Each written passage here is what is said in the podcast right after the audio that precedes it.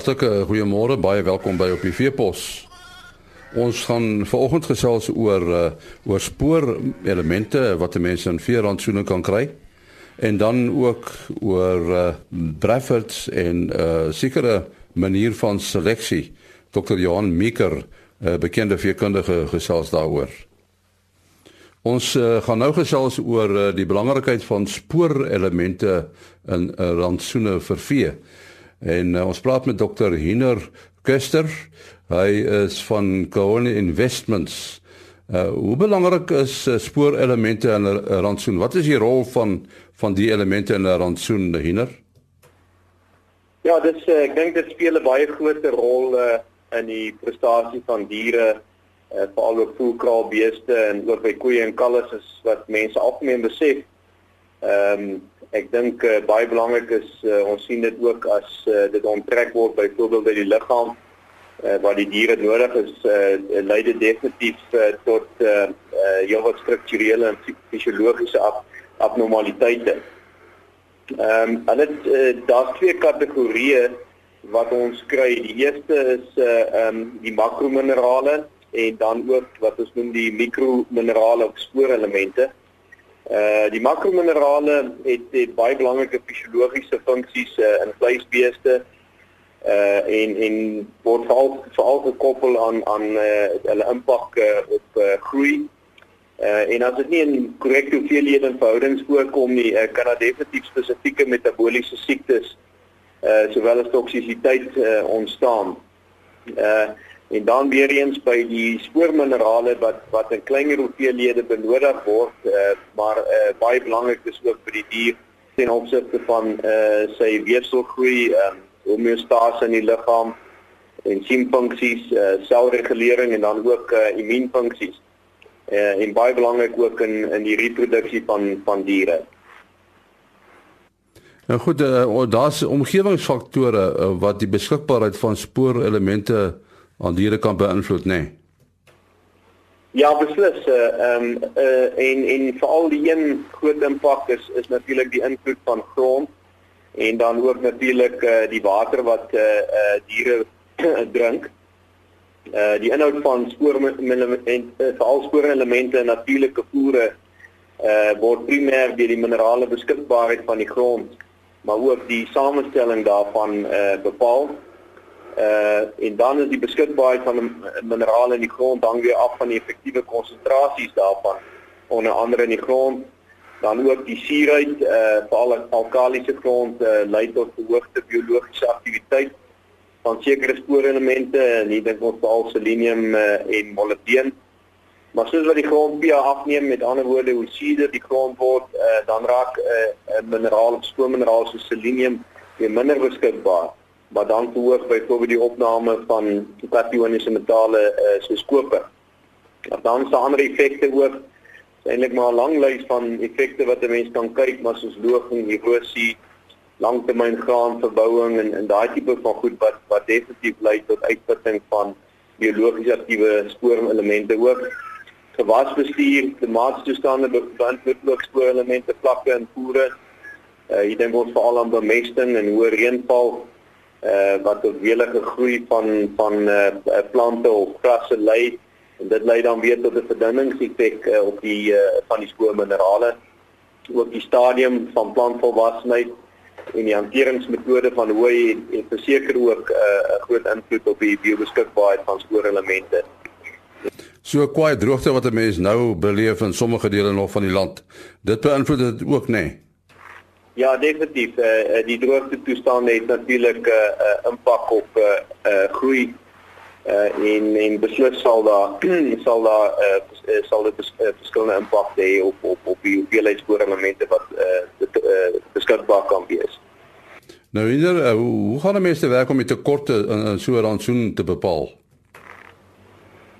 Ja, dit is waarskynlik uh drie stappe of 'n paar stappe wat 'n mens uh eerstens na kan kyk. En ek dink een van die belangrikste is, is om eers ten minste ander faktore te elimineer, jy weet voordat 'n mens uh, uh dit dit uh uh toeskryf aan minerale tekorte. En uh veral die direk bydraende faktore. Byvoorbeeld as mens kyk na die koei se liggaamskondisie wanneer dit nou uh, laer is, is die kans baie goed dat die probleem met iets soos verlaagde reproduksie of immuunsterings eerder op die vlak van energie of 'n proteïntekort lê as as wat dit 'n spoorelement tekort is.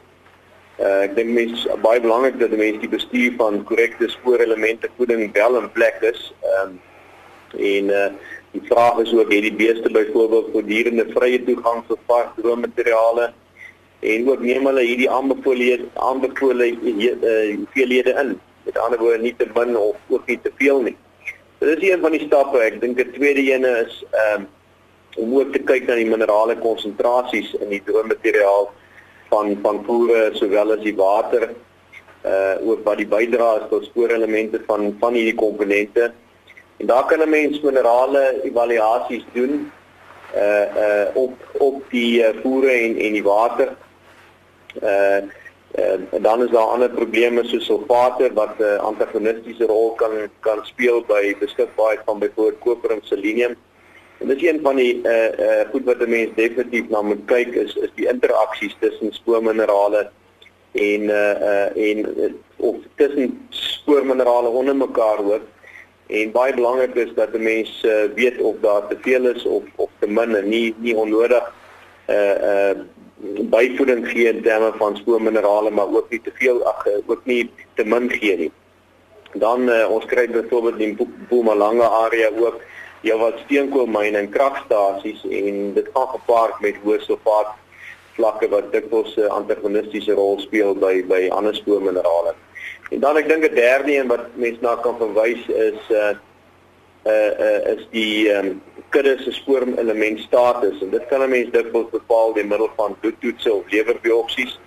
Lewerbiopsies is waarskynlik die mees betroubare een, maar uh, dit kan ook diere wees as gevolg van die hoeveelheid die opsies wat dalk gedoen moet word. Baie dankie Dr. Hiner Kester van Kahone Investments. Uh, ek ken nou al vir uh, Dr. Johan Meeker, hy's 'n bekende veekundige en ook 'n Bradford boer. En uh hy en sy seun die boer daar op die plaas draai ook in die Warden Vrede kontry in die Oos-Vrystaat. Uh, Miskien net die eerste vraag wat alle boere vir mekaar vra, eintlik uh Johan, het julle naam reën gehad? En ja, wonderlik, ons het die afgelope week seker so uh, 50 tussen 50 en 60 mm gehad. Ons is baie dankbaar.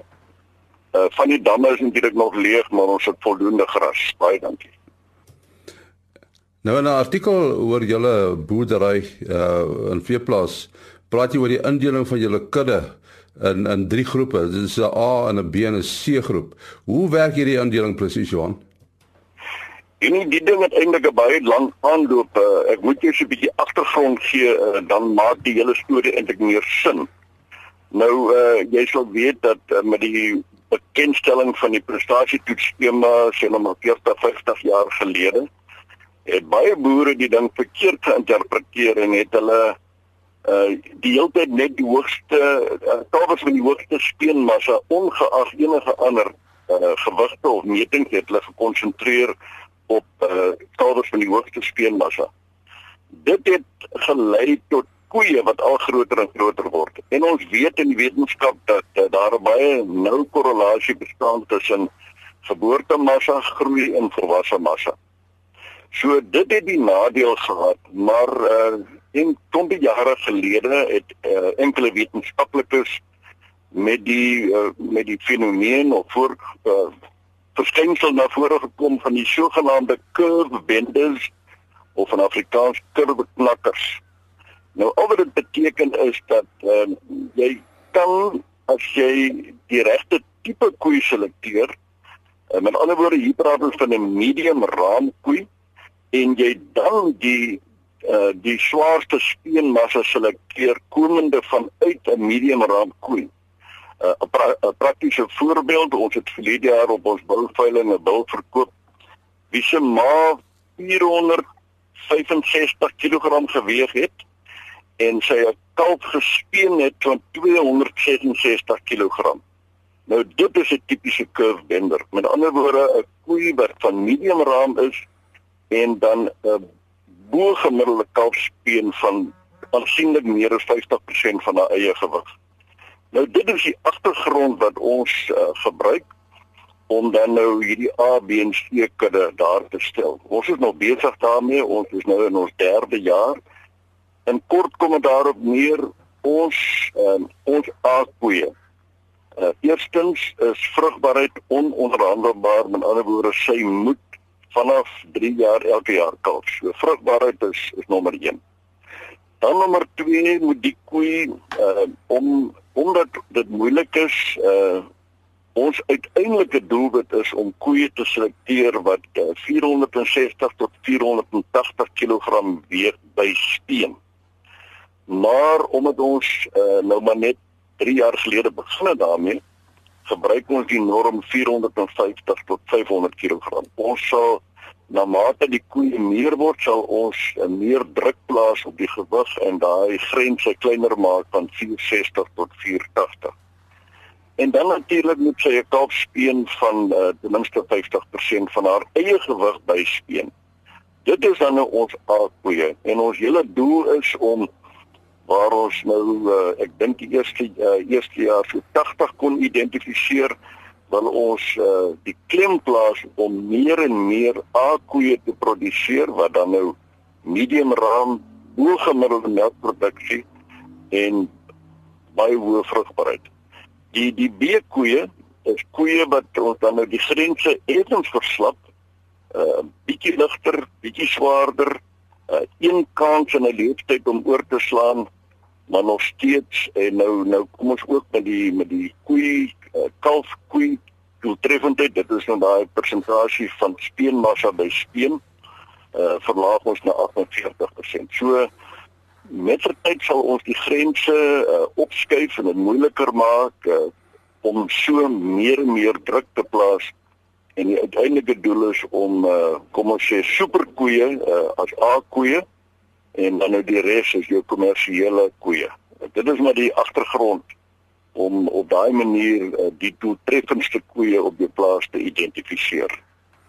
En, en watter rol speel genomika in julle boerdery? En nie sekerlik 'n baie groot rol, maar uh, mense oorbeklemtoon genetika. En aan die einde van die dag is genetika maar 30% van van die eindproduk. 70% is maar nog steeds bestuur. So natuurlik moet jy klem lê op op genetika, maar uh, in ons geval waar ek uh, amper 40 jaar besig is met die Breffits en ek van dag 1 altyd baie streng uh geselekteer het uh, vir vrugbaarheid is dit nie 'n probleem nie ons het geen geen uh, geen probleme met vrugbaarheid nie ons plaas nou maar net die klem op koei doeltreffendheid met ander woorde jou medium raam koei wat dan nou bo normale uh, melkproduksie wat dan nou daai kalfveelpunt sê van 250 260 kg 270 kg komende uit 'n koei wat uh, nie meer as sien maar 480 kg weeg nie. Ja, sê baie dankie aan dokter Johan Meeker, hy is veekundige en 'n Bradford boer. En met daardie bydrae het ons gekom aan die einde van vandag se program. Onthou van die 1 April af is RSG landbou 'n hele halfuur lank Tot môreoggend dan. Alles van die beste.